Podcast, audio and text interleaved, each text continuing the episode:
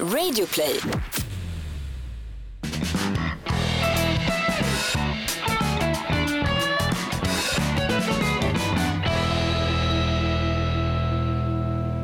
Härlig är jorden, härlig är Guds himmel och härligast av allt är våran podd. Välkommen till Inaktuellt i studion Hans Wiklund. Ja, hej du. Nysprungen från vår, får man säga handikapptoalett? Vi har en toalett för funktionsnedsatta. Mm, jag har inte varit där. Var var du då? Någon annanstans. Okej, det var nämligen låst till handikapptoan. Var det du som satt på handikappmuggen Bergman? Får man säga handikappmugg? Man får inte säga Frölunda Indiens längre. Ja, men jag var där. Ja. Ja, men var det någon som hade en funktionsvariation inne i huset så var det kanske den personen som var där. Okej, men hur ser man det då Hans? Um, Går inte att se kanske. ah, det beror på. Det På tal, på ja. tal om att inte gå och se.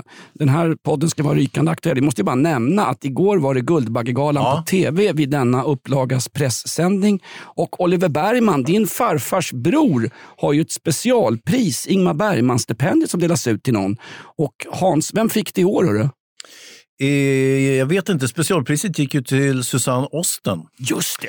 Hon stod upp och skrek om patriarkatet. Ja. Och, det- alltså det, det är ju inte film längre på Guldbaggegalan. Det är ju politiska brandtal mot den heteronormativa vita medelålders mannen. Det vill säga du och jag Hans. Ja, räknat in oss i den, i den eh, skaran. Men Kan inte få vara det som- funktionsnedsatt i alla Jo, det fall. kan det vara. Eller det är du. Men eh, eh, däremot så finns det en intressant berättelse. Det är ju så att Susanne Ostens mamma var ju en omhuldad filmkritiker faktiskt eh, på 50-60-talet. Och eh, hon, hon eh, råkade i luven på Ingmar Bergman och Ingmar Bergman han, han svor att förpesta Susanne Ostens mammas liv. Så småningom så gick hon under i alkoholångor och så vidare. Så att, Ungefär som du och jag. Ja, fast vi har ju ändå inte gått under så att säga. Nej. Nej, Men men, vi- men vi- Bergman, vi- Bergman fick sin he- hem, det är det jag vill säga. Och eh, eh, därmed sagt så var väl Susanne Osten eh, eh, inte heller Bergmans favorit Nej. och vice versa. Just det.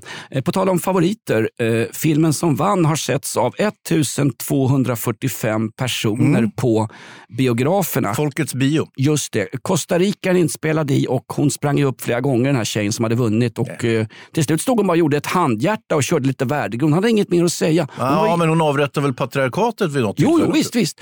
Hon sa att kampen mot patriarkatet fortsätter. Det är ett rakt citat. Och sen vänder hon sig om och vill tacka producenten som då är en man. Ja. Det, kändes ju, det kändes ju något farsartat Ja, Hans. alltså han hade ett mansnamn, men du kan inte vara säker på att det var en man. Det, det, är, inte, det är inte alls eh, ens eh, troligt. Passa hon på att tacka för att alla de här skattepengarna som vi har öst över eh, Centralamerika till den här filmproduktionen. För det här är ju ingen svensk film på något sätt, så jag begriper mer- inte riktigt varför vi ska finansiera den till att börja med. Det är ju mer stålar än vad eh, Oliver North sprutade in för att bekämpa kontrasrebeller med en socialistisk agenda värre än Göran Greider i de nicaraguanska djunglerna. Ur dessa djungler föddes sen städerskan som greps på, nej inte bar gärning.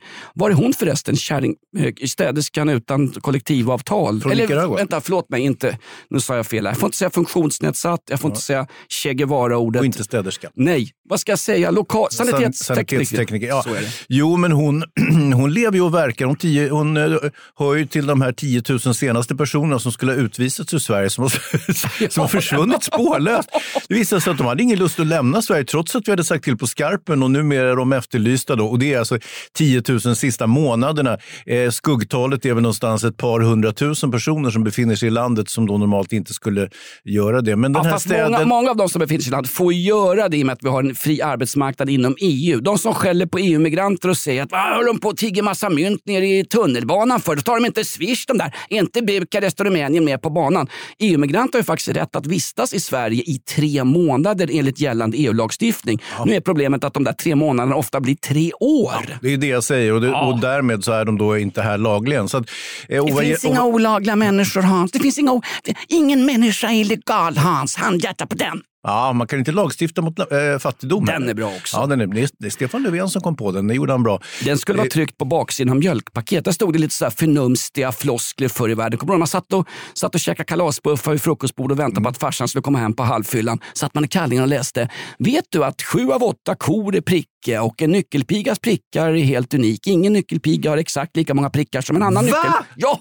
Som, Skämtar du? Ja, hur, hur kan det vara så? jag vet inte. Det är ju otroligt Jonas. Det Det här är, det, jag måste ha läst slarvigt på mina mjölkpaket. Var, varje nyckelpigas Ja, ja, ja, ja. eh, eh, eh, vingavtryck är helt unikt för just den nyckelpigan. Är det som ett DNA? Med ett Förra- fingeravtryck? Förra eh, året skulle vi utvisa 10 000 nyckelpigor. Nyckelpigor. De försvann ut i skogen är någonstans på okänd ort i Sverige. Ja. Det är kul också när den här nyheten slår ner som en bomb. Då är det liksom någon tant de har skrämt upp, skrämt upp från tullpolisen, en deltidsjobbande halvsjuk pensionär med pansarlugn som stod och hasplade ur sig någonting. Att ja, vi gör ju vad vi kan utifrån de resurser vi har, vi inom tullen och sånt där. Sen var det någon vid gränspolisen, eller möjligen var det samma kvinna. Det är ju så ordnat nu så att tullen och gränspolisen är ju samma sak. Så ska du in och ut, ut eller in, in och ut så är det ungefär som Haijby på Gustav V. Det är samma personer som kollar att det går rätt till. Ja, det. Exakt. Och sen var det någon riks... Nej, inte rikspolischefen, han är ju sjukskriven. Men eh, det var ju någon polischef i Region Skåne som skulle haspla ur sig där. Mm. Vad, sägs om att, vad sägs om att nagelfara någon politiker som sa, jag citerar rakt, det ska vara ordning och reda i migrationspolitiken. Vad sägs om att, att säga till en politiker, Hallå, vad hände här? Här var det 10 000 personer som enligt svensk lag inte hade rätt att vistas i landet. De försvann vind för våg Ja. därför att de har salondörrar på våra förvar. Och jag är emot att man ska eh, förvara människor i förvar. Släpp fångarna loss, det är vår. Dags för lite outlaw country Hans, innan vi glömmer bort det. Hörru. Sug på den här. Nu är jag darrhänt så whiskyn spills ut Skrynklig i ansiktet, pengarna slut Kasta dig aldrig i detta fördärv Det smakar så gott, men du mister din skärv Cigaretter, whisky och vilda kvinnor Hans Wiklund. Känns ju lite daterad den där. Men Ja, jag det, känner- så är det väl med country? det är ju patriarkatet i sin linda. Vad är det de säger? Ofta är countrylåtar daterade innan de ens har spelats in. Lex Hasse Kvinna Böske Andersson. Du, jag Ja. tänker på den där äh, städerskan från eh, Nicaragua. Eh, hon eh, läts ju intervjuas i tidningarna. Nej, Jo, är det sant? Ja, det är helt sant. Eh, hon var väldigt talträngd också. Hon berättade att hon hade varit hemma hos Magdalena Andersson åtskilliga gånger och putsat och fejat. Hon visste ju dock inte att det var statsministern, eller vid den tiden finansministern, som bodde, bodde i det här Nackahuset. Men eh, nej, det var ingen fara med det så att säga, utan hon, hon stortrivdes här. Och nu hade hon ju då blivit utsatt för en massa umbäranden och tyckte nog att hon kanske borde få stanna i Sverige efter det här debaclet. Och eh, ja, varför inte? Ja, varför inte Hans? Det här är väl ett särskilt ömmande fall. Ungefär som när Ann Linde klev upp på podiet nere hos... Eh, hon var inbjuden till ett NATO-möte. Mm, med självaste Stoltenberg. och sen en finnpuling som stod bredvid och höll truten också. Men de säger ju inte så mycket normalt. Finnarna säger ingenting sen de fick ett samarbetsavtal med svenska försvarsmakten. För då känner nog till och med finnarna att Oops, här är vi ute och fiskar lite. Vi kanske istället borde gått med i NATO. Fast å andra sidan, då rullar ju ryska tanks in över Karelska näset som en repris på 1944. Tuntematen Sotilas, glöm aldrig okänd soldat. De finska unga lejonen som fortfarande ligger begravda i jordmassorna vid Karelska näset. Här är en riktigt historisk referens. Se gärna Rauni Mollbergs film från 1985, Okänd soldat, som bygger på Väinö Linnas klassiska roman Okänd soldat. Ja, nu var det väl så att eh, eh, Sovjetunionen startade kriget mot Finland redan 100, 1939. Va? Så att, eh, Jo, Ja. Jo eh, det är sant. Ja. Eller var det verkligen de som gjorde det? Eh, du tänker att det var finnarna som startade Ja, ändra var det Skandiamannen eller också var det NATO som hetsade som vanligt. Alltså. Ja. Nej, men hon var ju inbjuden faktiskt Ja, och pratade med Stoltenberg som är Ja. NATO-chefen. Hon fick ju beröm, våran eh, Madame Mim, alltså Mm. försvarsminister, förlåt mig, utrikesminister, just nu är det samma person nämligen, Mm. utrikesminister Ann Linde. Eh, hon hasplade ur sig att vi står enade med beslutet att Ukraina har rätt att gå med i NATO om de så behagar. Och det var ju så att, eh, ja, det var ju alltså, så att samovaren gled ur prutten på Putin i Kreml när han hörde det där. Därför att om, om Ukraina skulle få för sig att ansöka om medlemskap i NATO så skulle ett, NATO förmodligen säga nej. Två, om de skulle säga ja, vilket de förmodligen inte gör, skulle det utbryta ett krig. Nu har ju ryssarna hotat. De har ju rullat upp 96 000 man, det som i slarvigt tal i Expressen, denna pålitliga tidning, kallas över 100 000 man, längs hela gränsen mot Ukraina. Röda armén ställer upp mangrant. Så här mycket Röda armén-folk har de inte varit sedan de avrättade polska officerare i Katynskogen 1941. Historisk referens. Får jag bara fråga en sak Hans? Är inte det här ett spel för gallerierna? Vem sätter upp en 34 mil lång front nu för tiden? Är inte små ingrepp, alltså Irakkriget. Mm, du Fall- tänker på de här kirurgiska ingreppen. Ja, men man går väl rakt in på ett enda ställe. Man bygger väl inte upp en hel front på ungefär 30 mil och laddar upp 100 000 soldater. Det gjorde inte ens Le Grande Armé, Napoleons stolta gossar från eh, vinfyllodistrikten i Paris där de tågade mot Moskva. Ja, jag säger inte det. Jag tycker att det är ändå en manifestation, en maktdemonstration. Jo. Och vi gjorde ju samma sak på Gotland, även om det varit lite glesare i leden där, så att säga. Mm. Där fick, där fick ju Sverige beröm för att vi ställde upp Försvarsmakten på Gotland. Tror inte du Hans, som är en duktig utrikesreporter, att Mm. NATO ringde Sverige. Hallå, kan ni placera lite folk på Gotland? Bara så att det ser ut som ja, något. exakt! Nej, det går inte. Vi är på könsneutral genuskurs på Södertörn med vår försvarsmakt. Rulla ut skiten. Och jag vidhåller ju Hans, att de bassarna och bissorna och... Eh, Transorna. Ja, hur många transer har vi i armén? Jag vet att Syren ÖB är lite åt det hållet. Jag vet va? inte, det har blivit jättebesvärligt nu på militärutbildningen i Enköping här med, med flera anklagelser om att eh, befälen använt fula ord och låtit rekryterna träna för hårt och allt möjligt. Eh, och, och, det, där, det där kommer ju inte sluta där utan det kommer bli rättssak utav det här troligtvis. Eh, det måste vad ju Putin som- ändå tycka är lite festligt. Att, Var inte det ett eli elitförband också? Ja, visst förstår Ja. Men- Va, vad var det de hade kallat dem? En, hade, en person hade blivit kallad för tjockis i duschen. Ja. Och då anmäler han det till regementsledningen som ett, en, en krän, vad var det, kränkning. Det var en sexuell kränkning till och med. Tjockis? Ja, men det beror på vad fettet satt. Vet du. Jag säger som tjocka Liverpool-supportrar. You'll never valk alone. Fettvalka mår man bra av. Vad är det jag brukar säga ibland Hans? Jag har inget problem med min fetma. Det är de andra i bastun som har problem med det. Det här är ett betalt samarbete med Villa Fönster. Du behöver lite mer tryck nu Jonas. Tryck! Villa Fönstersnack med Linnea Bali. Villa, villa, fönster, fönster, fönster med Bali, Bali, Bali. Jonas, nu tänker jag lära dig lite om Villa Fönster. Lär mig baby. Villa Fönster är en rikstäckande leverantör av fönster och dörrar till dig som konsument och byggföretag. Och vet du vad Jonas? Vadå? Jag har en spaning. Ja. Det som gör dem så unika är att de har Sveriges bästa leveranstid. Ja, det går undan har jag hört va? Ja, det gör det. För man tänker kanske som konsument här, åh nej, det här kommer ta så lång tid. Men inom tre veckor alltså så har du ett svenskt nyproducerat fönster som är redo för omgående avhämtning eller leverans. Oj, oj, oj, inom tre veckor. Är det inte så också, jag har hört ryktena, de har Sveriges största fönsterlager va? Ja, med 500 olika varianter av fönster. Och eftersom de allra flesta av oss vill ha olika storlekar på fönster så kan Villa Fönster dessutom göra anpassningar såsom spröjs, spaltventil med mera. Oj, oj, oj Linnea, du övertygar här. Du vet inte vad en persedel är för någonting, men spröjs och spaltventiler. Här har jag nästan läst på universitetet om det här. Ja, och är det någon som har koll så är det Villa Fönster. Historisk referens här. Har du? Ja, alltid. Ända sedan 2008 så har Villa Fönster alltid haft visionen att erbjuda kvalitetsprodukter till rätt pris och kortast möjliga leveranstid. Ja, jag är nöjd Men vadå? med vårt Villa Fönstersnack. Villa Fönstersnack med Linnea Bali. Villa, villa, fönster, fönster, fönster med Bali, Bali, Bali. Tack Villa Fönster. Ett poddtips från Podplay. I podden Något Kaiko garanterar östgötarna Brutti och jag, Davva, dig en stor dos skratt. Där följer jag pladask för köttätandet igen. Man är lite som en jävla vampyr. Man har fått lite blodsmak och då måste man ha mer. Udda spaningar, fängslande anekdoter och en och annan arg rant. Jag måste ha mitt kaffe på morgonen för annars är jag ingen trevlig människa. Då är du ingen trevlig människa, punkt. Något Kaiko, hör du på Podplay. Därför är gardinerna.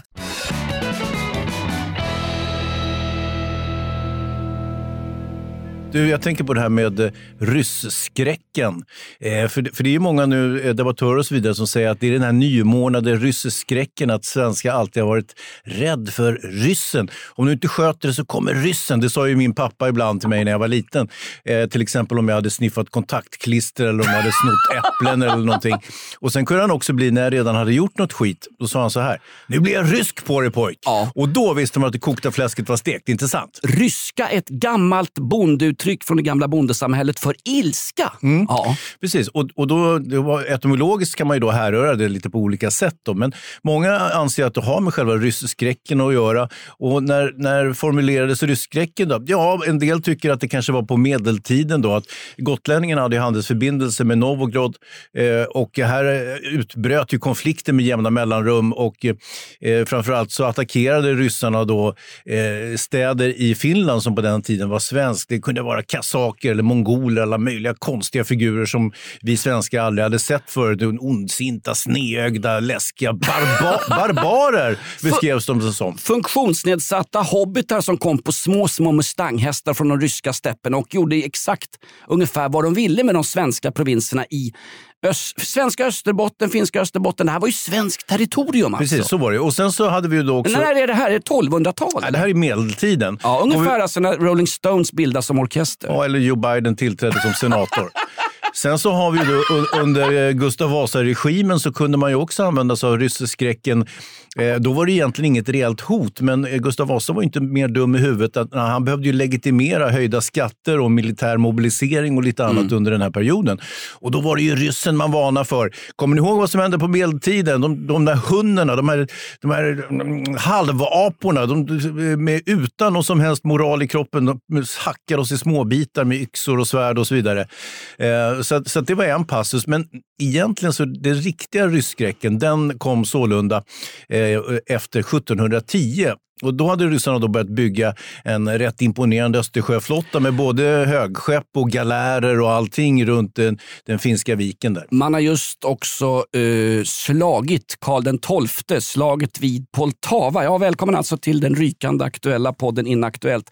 Året efter Poltava, det är då Peter den store eller Peter med den store som han kallades i... Ja, det var ju bastu, alltså internt när de båda bastu. Ja, de, han hade ju en egen hajby. Peter den store och drottning Kristina, det är ju klassiska homosexuella eh, ja, vet jag inte, kungligheter genom historien. Men sånt där ska ju tystas ner i skitmedia. Men i den här podden ska väl det komma ut i ja, alla det ska fall. komma ut. Hur, hur osant det än månde vara. No. Peter den store han, han förde förhandlingar med Sverige under hela den här tiden. Samtidigt eh, så skickade han ut fartyg mot Umeå. Man brände ner Umeå. Man gick till våldsamt angrepp där sommaren 1719.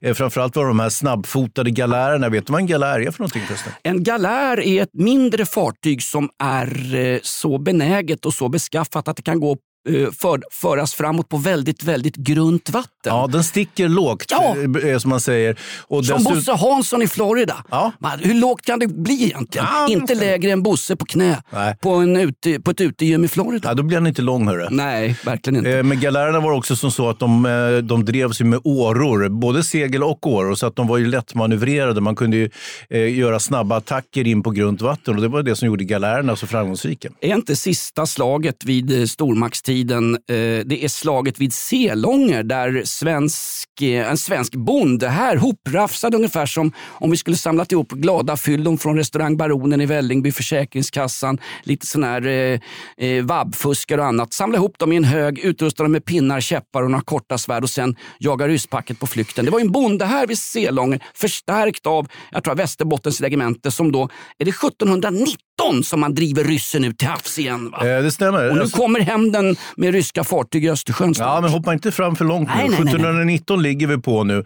Eh, och då är det de snabba galärerna som gör attacker mot eh, eh Södertä- eller, norr och söder om Stockholm kan man säga. Man går in mot Gävle. Där åker man på dängen faktiskt, ryssarna. För där har vi de svenska, jämtländska... Eh, mm, eh, vad fan heter de där? Var det jämtlänningar i Gävle? Satt de ja. på Harry som vanligt och krök? Fröken. För det roliga med trojanska hästen är också en gammal historisk referens. När de grekiska... Vänta, är vi i Grekland? Ja, de grekiska trupperna gömde sig i en häst för att, kunna, för att kunna invadera Troja. Samma sak gjorde ju Jämtlands regemente i Gävle. Hoppar in i en stor jävla halmbock vet du, och mm. överraskar rysspacket. Mm. Eh, Jämtlands dragoner då. Och, Så var det. Eh, precis, och de pressade tillbaka ryssen. Då fick, eh, fick man eh, nöja sig med ryssarna då att eh, gå mot Norrtälje istället. Så man brände ner Norrtälje. Eh, och sen så gick man ju då in i Stockholms skärgård så småningom. Syftet var att komma rakt in i Stockholm med sina galärer och förhoppningsvis högskepp också. Så man skulle gå in eh, genom eh, Baggensstäket, precis där jag bor för övrigt. Mm. Eh, en historisk referens. Så att man gick ju då i land på Möja och Stora Nassa och Grönskär och Rölöga och så vidare. Eh, tände eld på husen, brände ner åkrarna, jagade vil- eh, djuren på flykten. eh, Struntade, skändade- full, struntade fullständigt i munskydd och socialt avstånd. Man, man pikenerade ner 100 kilos tjocka feta pigor som inte hann undan där i skymningen när ryssarna, ryssarna satt i skräck. Vid slaget vid Stäket, pratar vi, det 1720? Nej, 21? 1719 fortfarande. Okej, okej, okej. Ja, så att man fortsatte. Det var en sorts eh, terrorverksamhet Ja, ja, som visst. de här små grupperna ägnade sig åt, de här ry- ryssgrupperna. Då. Eh, och det var här tror jag, skräckbilden började målas upp av ryssen. Plötsligt kunde han dyka upp, plötsligt så stod han ute på ängen, eh, ryssen. Och eh, de var ju barbarer så att säga. De, de betedde sig inte så där finstämt som, som de svenska soldaterna gjorde. Svenska soldater var ju inte så mycket bevänt med just det här. Vi hade ju lite dåligt med legoknektar hemma, men det var ju mycket bönder ute som hade, eh, de hade ju skäror och liar och högrepar och sånt där. Så det i kombination med att de hade kastruller och trummor som de stod och slamrade med när ryssen kom. Det är här den svenska dansbandskulturen föds. Det måste vara det. För Mm. här kunde man då skrämma ryssen att det, det där låter ju som att de har mycket på gång där borta. Medan Mm. det var bara eh, fy- fyra vindtyriga bönder som satt och slog på, på kastrullock så att säga. Ja, men exakt så var det.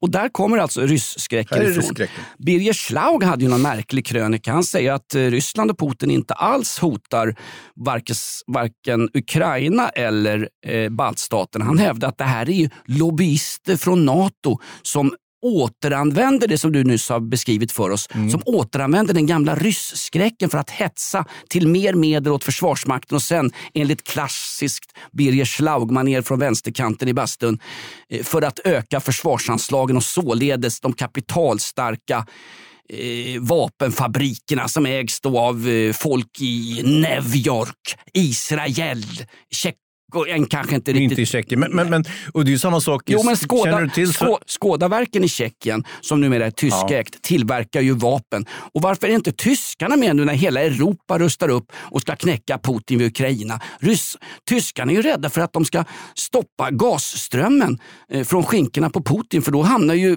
tyskarna i riktig...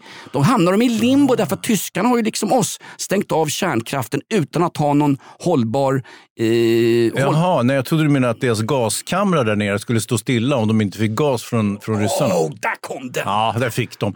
Nej, tyskarna kan vi inte räkna med. Fransmännen och holländarna har ju ställt upp på vår sida trots att vi inte är med i NATO. En annan intressant grej det är ju den här Mats Knutsson. Du vet han som är gift med hon den där Knutsson som jobbar på fritidsresor som efter tsunamin gjorde jobbet åt regeringen och åt eh, MSB eftersom de inte var så intresserade. Minns du det? Hon som gav tsunamin ett ansikte, hon blev ju folkkär och hamnade till slut i På spåret och sen ska hon väl sommarprata. Jag tror hon ska vara med i Mästerkockarna och Let's Dance också. Hennes man är ju inrikespolitisk reporter och får alltid bedöma ungefär vad Sverige tycker i objektiv media. Jajamän. Han och ingen annan. Ja. Han ser numera ut som lite grann, om du kommer ihåg gamla kommunistledaren, nej förlåt mig, antikommunistledaren Chiang Kai-shek Mm. som Mao Zedong klubbade ihjäl med träpåkar ungefär 1948 när Mao Zedong inledde sin kommunistiska kulturrevolution. Den som idag hyllas av liket Jan Myrdal. Nu är det lite orättvist för att eh, han såg ut som Chiang Kai-shek vid det tillfället. Han hade fått en anafylaktisk chock och hans ansikte hade svullnat upp och antagit kinesiska former. Kommer du ihåg det? Det var ju bara det var ett enstaka tillfälle han såg ut som Chiang Kai-shek. Okej. Hade han rent fått en chock? Vad, vad, vad var det då? då? vet inte, han äter jordnötter eller legat och kramat med ett pälsdjur. Jag har ingen aning, men skitsamma. Det som är intressant är att den här Knutsson nu skrev en krönika här förleden. Precis som det här med rysseskräcken eh, som din kompis, vad heter han, kommunisten Schlaug där hade, hade skrivit. Eh, men du har också dragit slutsatsen. I en passus så skriver han att, eh, och det här, jag citerar i stort sett ordagrant. Eh, det som många upplever som en rysk aggression. Vänta nu. Upplever som en rysk aggression. Är inte det där en rysk aggression? Vad fan är en rysk aggression då? Sveriges Television oberoende organ. Ja, det är faktiskt märkligt. Det är sorgesamt. Vi ska vända på varenda sten för att vår försvarsmakt ska stå redo om vi dras in i en internationell konflikt. Under den första stenen där hittar de säkert oberoende SVT som, som, som uppfattar det som en aggression. Alltså, om, någon, om det kom en rysk stridsvagn och sköt dem i ansiktet med en eh, 49 mm gammal haubits monterad och klar ungefär ungefär som Haijby på Gustav V. Så skulle de utreda det och sen skulle någon säga att det är inte jag som är ansvarig för det här ungefär sommaren därpå. Liksom. Ja, och sen säga att det är inte säkert att det där var en aggression. På tal om, Det kan ha varit ett misstag. på tal om aggression, den här antivax-paraden med folk som var emot covidpass. Den Mm. Ja. målades ju ut liksom i media att ja, här är det då fotbollshuliganer, new age-flummare, 5G-konspiratörer och vad var det mer? Nordiskt, Djurvänner. Exakt, och, och, och dessutom alla som inte röstar på Socialdemokraterna, det vill säga nazister. Rena råa nazister Mm. med blåbruna Kristersson ungefär i spetsen. Alltså de målade ut den där antivax-paraden i Stockholm och i Göteborg där den då var faktiskt otillåten kan jag väl säga. Men är det något med demonstrationer så är det, de bästa demonstrationerna är väl de otillåtna. Annars ingen fransk revolution. Annars ingen gardesrevolution i Bryssel 1806. Ingen Annars- Black Life Matters. Nej, exakt, exakt. Men den där paraden, var det en antivax-parad? Det var väl en, en, ett uttryck för åsiktsfrihet? Jag kan tycka vad jag vill om människor som förnekar vaccinets effekt och omikron och fladdermusburgare och all skit det. Men man har väl ändå rätt att ha sin åsikt hur märklig den än må vara. Någonstans när man utmålar folk med en annan åsikt än normen som myndigheter och politiker har bestämt. När man utmålar dem som ungefär funktionsnedsatta i skallen eller att de är nazister, då blir jag orolig Hans. Då är verkligen coronapandemin på allvar ett hot mot vårt kraschade folkhem. Mycket mer än kanske 10 000 utvisningsbeslutade på vift i våra förorter. Ja, de var ju för övrigt också där. Ja, de var ju där! Som utfyllnad. Det här var ett jävla bra gig för er här. Den det är en- cash betalt. Gå och ställ er här bland de här knasbollarna med foliehattar. Den, en, ja. den enda som inte var på plats var ju Helge Fossmo.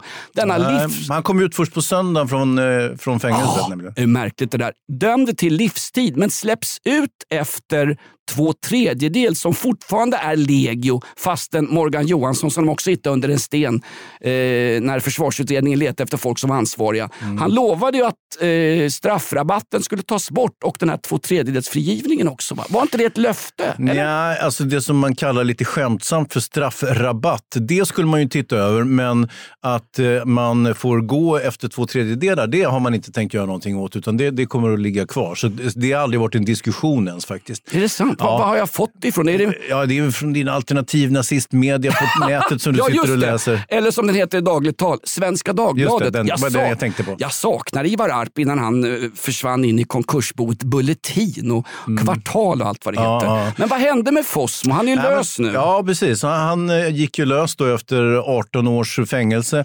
Han har väl inte skött sig så där helt perfekt. Eh, Han har ju fortsatt att göra det han gör, det vill säga manipulera eh, sin omgivning. Han lyckades ju, eh, han lyckades ju bli tillsammans med en, en kvinnlig lägervakt, tänkte jag säga. En, en kvinnlig, det var ingen läger, det var ju en plit där alltså, som han sen manipulerade och började pressa på olika sätt för att vinna fördelar.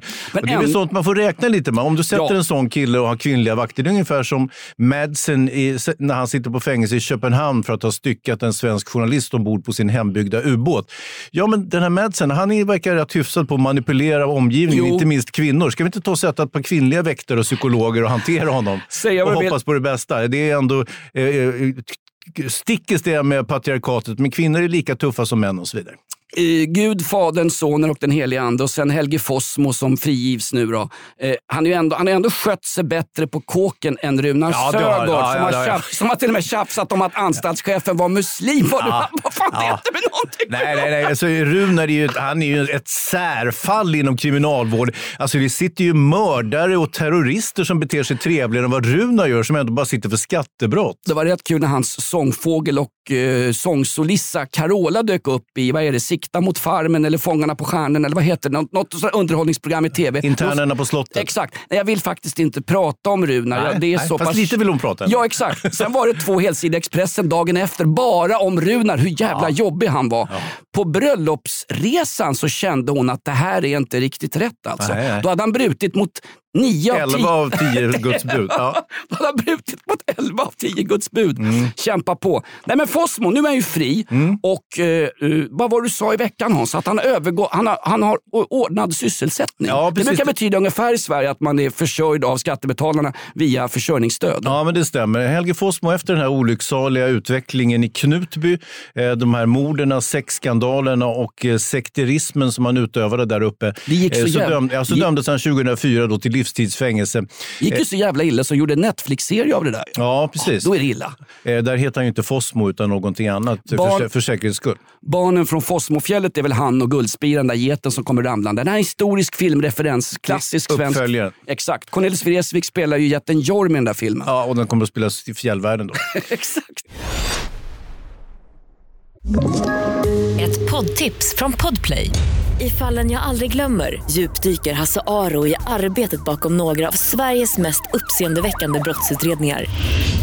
Går vi in med hemlig telefonavlyssning och, och då upplever vi att vi får en total förändring av hans beteende. Vad är det som händer nu? Vem är det som läcker? Och så säger han att jag är kriminell, jag har varit kriminell i hela mitt liv men att mörda ett barn, där går min gräns. Nya säsongen av Fallen jag aldrig glömmer på Podplay.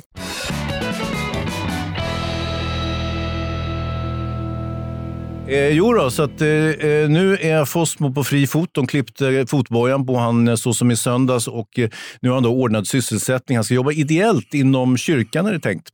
Så att det kommer inte att dra, eh, ta många, många veckor innan vi har ytterligare en sekt någonstans i en annan kyrka och den här gången inom statskyrkan. Då.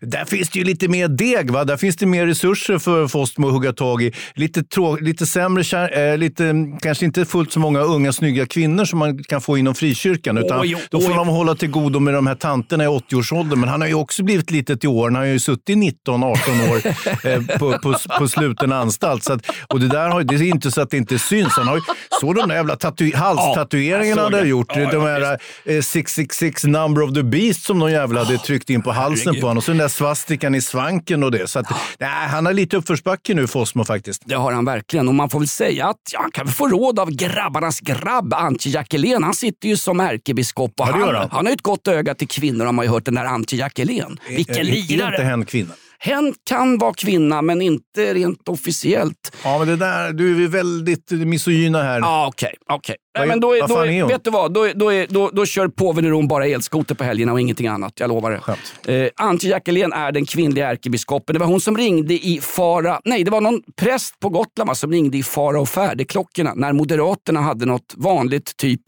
eh, samkväm under Almedalsveckorna. Mm. Det finns en gammal regel inom Svenska kyrkan, det här är också en historisk referens. Fara och färdeklockor. När nationen är i fara och färde så ska kyrkklockor ringas. Det här kan jag tänka mig att de gjorde i Baggenstäket, uppe i Selånger, i Gävle när hunnerna, mongolerna, när ryssarna kom. Kasakerna. Och primitiva människor. Ja. Barbarer äh, omnämndes de som. Det, nu får man ju inte kalla folk för barbarer, då är man väl rasist? Va? Eller? Absolut. Fast du är rasist bara du är vit heteronormativ person. Ja, men tur att jag inte är det då. Exakt. Jag tänkte på det. här. Alice Bah Kuhnke hon sökte jobb som talman i Europaparlamentet. Och, och, så fick hon in, och så fick hon inte jobbet utan det gick till en polsk kvinna. Det är ju rasism Ja. att inte den svarta tjejen fick det jobbet. Jag tycker det är vidrigt helt Vem är enkelt. svart? Avgå. Aha. Ja, jag vet inte. Jag tror att Disneyklubben har säkert välkomnat henne tillbaka när hon vill med tanke på det, det så att säga, kamptal hon höll för att komma in som talman i EU-parlamentet. Jag vet inte riktigt vad det var för någonting. Och jag, folk såg ju chockade ut. Alltså jag trodde det var fel på textningen på Nej. allvar när jag såg vad hon sa för sitt CV-tal om... eh, ah, Det var öppna gränserna och det var, eh, jag vet inte, det var ingenting om miljö. Det borde de kanske ha tryckt lite mer på. Ingenting om att ryska armén snart har sina egna hejdukar, sina egna barbarer utplacerade i Kiev. Mm. Denna gamla gammelsvenska storstad. Ryss! Jävlar! Där satt den 2-0. Ryskräcken för mig det var när man var liten också. Man skulle sitta på, titta på Tre Kronor mot Sovjet och det kunde bli så här 12-0 till rysspacket. Och man, man slutade med att man låg och grinade i morsans famn för att Sverige var så satans dåliga så inte ens Bert-Ola Norlander fick in puckjäveln på rysspacket. AIK-aren Bert-Ola Norlander. Ja. Bert-Ola, Bert-Ola. Ja. Sen finns det en slut, ett slut på den ramsan, men jag som AIK kan inte berätta den Nej, såklart du inte kan, för du blir ju lynchad av dina kompisar i firman Boys. Nej, nej, det blir jag inte. Eh, Hans, Mm. en annan sak eh, på tal om besök. Fossmo blev frisläppt, några som flög ut också. Det var ju talibaner som hämtade sitt stort privatplan av norska staten för att komma till Oslo och prata om det här med att det är barnfattigdom värre än i svenska förorter i Kabul. Talibanerna satte sig på planet, åkte glada och nöjda, drack, eh, ja, drack väl, det var väl Taxfree. Ja. Men såg du vad roligt det var när de, när de här liksom eh, skäggaporna kommer in i ett lyxigt privatplan. De har bara suttit i sand och, och liksom, eh, med som- kameler och så plötsligt får de sitta i, se ut som rockstjärnor där Det såg ut som min gamla särskoleklass när vi för en gång skulle få åka lyxbuss ner till Kanabadet Ja, för, för någon simskola i tregradigt vatten. Man såg de tryckte på alla knappar Ja. och böjde på sätena och du, du vet, de, tri- de stortrivdes ju där. Särskilt, han som som, le- le- särskilt han som är åtalad för krigsbrott och brott mot mänskligheten.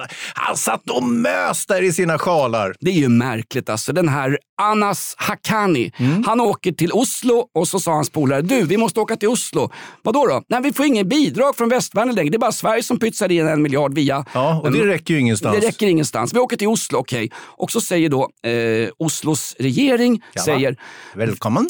Välkommen! Detta är icke någon legitimering av talibanernas eh, maktägande i Kabul eller Afghanistan. Nej men vad är det då? Ja, Bjuder in ett taliban- informellt möte med den nya gangsterregeringen bara. Exakt. Och med på det där planet satt ju en kille som tryckte på alla knappar, beställde extra juice och fick en liten godispåse vid fiskdammen längst Och bak. jordnötter. Och längst bak. Fast man inte får äta jordnötter på, på flygplan. Han heter ju Anas Hakani Mm. och han är alltså han är ju polisanmäld nu och han var alltså förste ledare officiellt för ett terrorstämplat nätverk i Afghanistan som hette just Haqqani-nätverket. Han är son till grundaren Jalaluddin Haqqani. Mm. Anis, Anas Haqqani och eh, Jalaluddin Haqqani är bägge två alltså med på USAs svarta lista över En most wanted-lista över terrorister. Ja. Exakt. Och han är dessutom, sug på den här innan eh, någon från Norge hör av sig. Han är också, gissa vad han har för titel i Afghanistan den här killen som sitter på USAs terrorlista. USAs blacklist som till och med gagget Joe Biden fyllt upp vuxenblöjan med. Vet du vad han är? Nej, kan han vara stormogul? Han är inrikesminister Oj. i den Ja, visserligen av icke något annat land godkända talibanregeringen. Men tänk dig en inrikesminister som är stämplad som terrorist av en, den hela den fria världen inklusive Ukraina, exklusive rysskräck. Ja. Det är ganska märkligt. Ja, alltså. vi får se vad de där samtalen leder till. Eh, Kan de, kanske, de behöver ju de här bidragen för att fortsätta eh, driva sin gangsterregim. Så att, eh, och samtidigt som halva svenska folket, inte svenska folket, ja, mer eller mindre, snart svenska folket, men just nu afghanska folket kommer att svälta ihjäl. Exakt. Det är sådär, lovar ni nu, här får ni 200 miljoner norska kronor, gamla, nor- gamla Os- eh, Oslo-pengar och gamla oljepengar. Lovar ni nu att eh, öppna flickskolan ute, på, ute i eh, eh, vad heter den här provinsen där det är sånt jävla bråk där de sköt eh, unga brittiska grabbar? Armand. Nej, Helmand. Helmand. Armand. Jag tänker på Duplantis, det är Mikaelas frikort. Ja, Helmand-provinsen där det var fullt krig mellan britter och afghaner till bara för några år sedan. Mm. Lovar ni nu att öppna de flickskolor som ni stängde ute i Helmand-provinsen? Ja. Såklart. Det gör vi. Och så åker de hem och fullständigt skiter i ingådda avtal. Jajamän, jajamän. Så funkar det ju. Kan vi inte ta dem till Sverige Hans, någon slags sån här gymnasieamnesti? För just när vi skulle få ordning och reda i migrationspolitiken, då var det 9000 afghaner som utan asylskäl faktiskt fick stanna i Sverige. Det är vad jag kallar det öppna hjärtats politik. Citat Sigrid Combüchen. Jag vet inte hur deras turnéplan ser ut, då, de här äh, sja- sjalarna med privatplanet. Här. Men, och kommer de att flyga direkt tillbaka till Kabul nu efter den här visiten i Norge? Eller kanske gör de en liten turné, landar i Sverige och en del andra länder. Säga vad vill om med givmilda. säger, det finns inga mer givmilda länder än Sverige. Nej, och det, är, det jag- är jag stolt för när jag går med antivaxparaden. Vet du vad Hans? Nej. Det är ganska roligt. Vi klagar mycket på oberoende SVT, men de var ganska så tuffa. De var ute på Oslos gator när talibanerna dök upp och Mm. många norrmän var ju förbannade. En ska icke snacka med slik folk. Nej. De är talibaner. De förtrycker människor, både män, kvinnor Husdjur. Och, och husdjur, de förtrycker alla. De till och med, ja, alla förtrycks. Och så råkar de få tag i någon då, det är märkligt, en svensk-afghansk tjej som tillika var ordförande för SSU. Hon Ja. råkar bara komma gående längs ett Hon var nästan en spårvagn... talesfigur där vid Medborgarplatsen. Det var, fanns nämligen bara en eh, afghansk tjej och 900 afghanska killar. Men hon, det var hon som skötte snacket. Exakt, och hon, den tjejen, råkar, råkar dyka upp på en gata vid ett spårvagnsspår på Karl Johan just när SVTs reporter går fram med en mikrofon. Vad har du för kommentar till det där? Och sen stod det i undertexten, bla bla bla, ordförande SSU eh, Sverige. Eller om det var afghansk, någon, någonting sånt där. Men alltså, det är väl märkligt att, att de råkar på en SSU-ordförande som får uttala sig exakt om vad hon tycker i oberoende statsmedia. Även om det här var då, jag måste erkänna, rätt i sak. för att det- citera. ja, absolut. Och det är väl intressantare att höra kanske vad hon säger än vad Kreti eller Pleti eller vad Ole och Dole säger. eller? Du, Ole och Dole är något off. Ja, så här. Eh, jag följer också lite grann krimfrågorna i Sverige. Det har ni säkert inte missat, ni som följer podden. Du är lite av ett lill-GV. nytt- Ja, kan man säga. nytt grip igår. Eh, en eh, rappare med eh, miljoner streamningar på olika Spotifys, som det brukar heta. Eh, Den här killen är inget undantag. Han är nu gripen för ja, vad är det, hemfridsbrott, kallar man det för. Eh, och det, är- det är en samlingsbeteckning egentligen. Och, eh, så, troligtvis så handlar det om att han då har plågat och misshandlat en flickvän under, över tid. Eh, både när han har varit på semester nere i södra Spanien och när han har befunnit sig i Sverige. Eh, nu kommer det här ställas på sin spets, det här med konstnären och konsten. Yasin Byn och de här andra, de åker dit för mord, rån, kidnappning, vapenbrott och så vidare. Där kan man då ganska enkelt skilja på person, eh, brott och deras konst, så att säga. Här däremot, här har du alltså en rappare som har begått ett, ja, mer eller mindre förvisso ett enklare brott än Paolo Roberto och de andra, men, men ändå är det ju något som, som, som drabbar en kvinna så att säga. Är nu är frågan, kommer man nu att stoppa den här rapparen från att fortsätta eh, roteras på P3? Eller är det samma sak som gäller fortfarande? Eh, vad tror du Jonna Sima? Eh, Tack. Eh, Jag tror att eh, eftersom han inte spelar Eddie Meduza efter, hans, efter det att han greps för fylleri i centrala Trollhättan 1980, någonting sånt där, så tror jag att här släcker man även ner den här rapparen. Alltså. Va, tror du? Men han är ju bra. Är han bra? Ja, ja. Okej. Han är ett geni. Ska vi skilja på verket och konstnären? Ja. Eh, Okej. Jag vet inte. Eh, ja, vi kan ju fråga. Nu har han kommit tillbaka i studion. Ingmar Fråga Berg... Bergman kan du för fan inte fråga. Kan jag inte? Nej. Bergman, jag kan inte fråga dig, men din pappa också var ju, har ju ett förflutet som... Han betedde sig som ett jävla svin, men Ja, filmerna exakt. var det inget fel på. Nej, exakt. Där, filmerna ska Är det vi... samma här då? Filmerna ska väl visas. Har vi något namn på den här personen? Är det DJ Candy eller vad heter han? Low, ja, low Blow eller Schlaug eller vad heter han? Skand, Skandiamannen eller? Birger Schlauger. Ja, nej, eh, nej, eh, grejen är så här, vi, är ju lite, vi, vi har en viss pressetik även i den här podden på något sätt. Även om vi varken har podd eller press. Distans och raljans, det är ju ledorden för oss när vi, Ja, men så är när vi delade Men- cell men med vi- Hel- Helge Fossmo. Ja, men vi hänger ju inte ut eh, någon nej. ordblind, jag säga, tondöv analfabet bara för att han har misshandlat sin flickvän Nej, hit nej, och nej. dit. Det är ju ingenting som vi, som vi hjälper till Absolut med. Så inte. ni kan läsa på Flashback, där står det. Ja, på tal om tondöv. Kul Mm. också att Johanna Möller nu lanseras som helt oskyldig i en serie på Viaplay. Arbogamörderskan. Ja, exakt! Hon är ju helt oskyldig. Jajamän. Nu har de grävt upp henne också. Så fort det är en kriminell som sticker ut lite från den övriga gråblå massan som Mm. sitter på våra kåkar, då ska det göras en Netflix-serie. Har- Nu var det här Viaplay i och för sig. Har du sett Viaplay-serien om Johanna Möller? Där är hon ju helt oskyldig. Hon är ungefär som bogvisiret på Estonia-dokumentären. Hon är ju helt oskyldig, har inte gjort någonting. Nej, och eh, hon är väl ungefär som Helge Fossmo, det vill säga en manipulatör som kanske Ja. själv inte gör någonting. Sen har hon ju lurat de här stackars 12-åriga afghanerna som hon, då, hon har då härbärgerat, haft både som älskare och inneboende vad jag förstår, och sen utnyttjat för att begå de här brotten.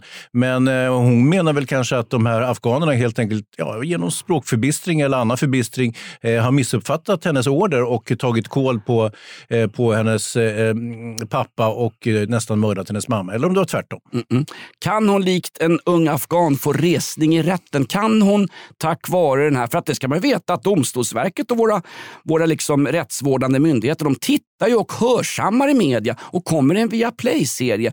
Ta eh, haverikommissionen med Estonia. Hade inte han producerat den där Evertsson, producerat sin grej om att det var eh, ryska, eh, vad var det, hunner och mongoler som hade kört in pålar i, i sidan på Estonia. Ja, det var galärer som hade seglat rakt in i Estonia och tryckt en åra genom bokvisiret. Det var väl det som hade hänt. Hade inte han presenterat sin dokumentär som sen vann Stora Journalistpriset fast det mesta verkade vara ett falsarium så hade ju inte den här haverikommissionen återuppstått ur sin linda och fått granska det. men- Samma sak kan nog hända med Johanna Möller. Vad gör Lamberts nu för tiden? Sitter han fortfarande och bakar kladdkaka? Kan inte han ta sig an Johanna Möller? Han har ju en, han har ju en, en teknik i utdragssoffan hemma i Mexitegelvillan som kanske skulle hjälpa till. Jag ser ett möte mellan Johanna Möller och Lambert. Sån här, är det jag som är pa, din pappa? Oj, oj, oj, Johanna, det är lilla pappa som kommer här. Är oskyldig. Mexitegel! Mexitegel. Du har lyssnat på ett avsnitt av Inaktuellt. Raljant, elegant och alltid relevant. Sveriges mest aktuella podd. Vi har klarat av rysshärjningarna 1719 ända fram till Johanna Möller på Viaplay. Vi går ut på lite country, Hans. Ja, vad trevligt.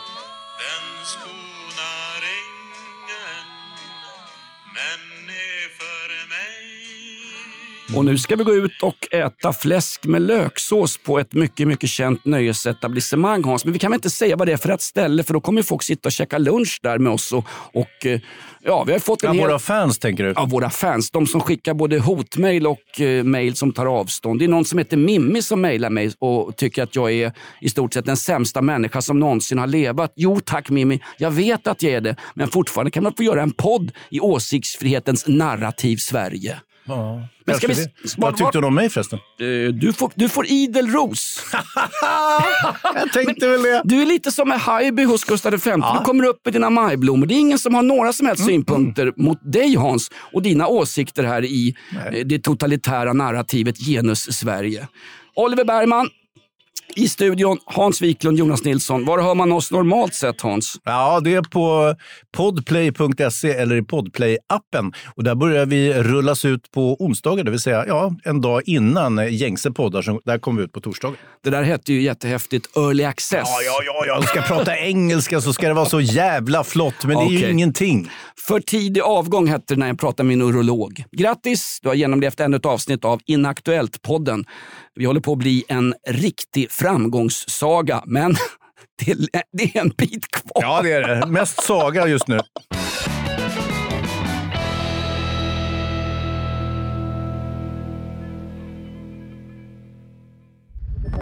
Podplay, en del av Power Media. Ett poddtips från Podplay. I fallen jag aldrig glömmer djupdyker Hasse Aro i arbetet bakom några av Sveriges mest uppseendeväckande brottsutredningar. Går vi in med hemlig telefonavlyssning och, och då upplever vi att vi får en total förändring av hans beteende. Vad är det som händer nu? Vem är det som läcker? Och så säger han att jag är kriminell, jag har varit kriminell i hela mitt liv men att mörda ett barn, där går min gräns. Nya säsongen av Fallen jag aldrig glömmer på Podplay.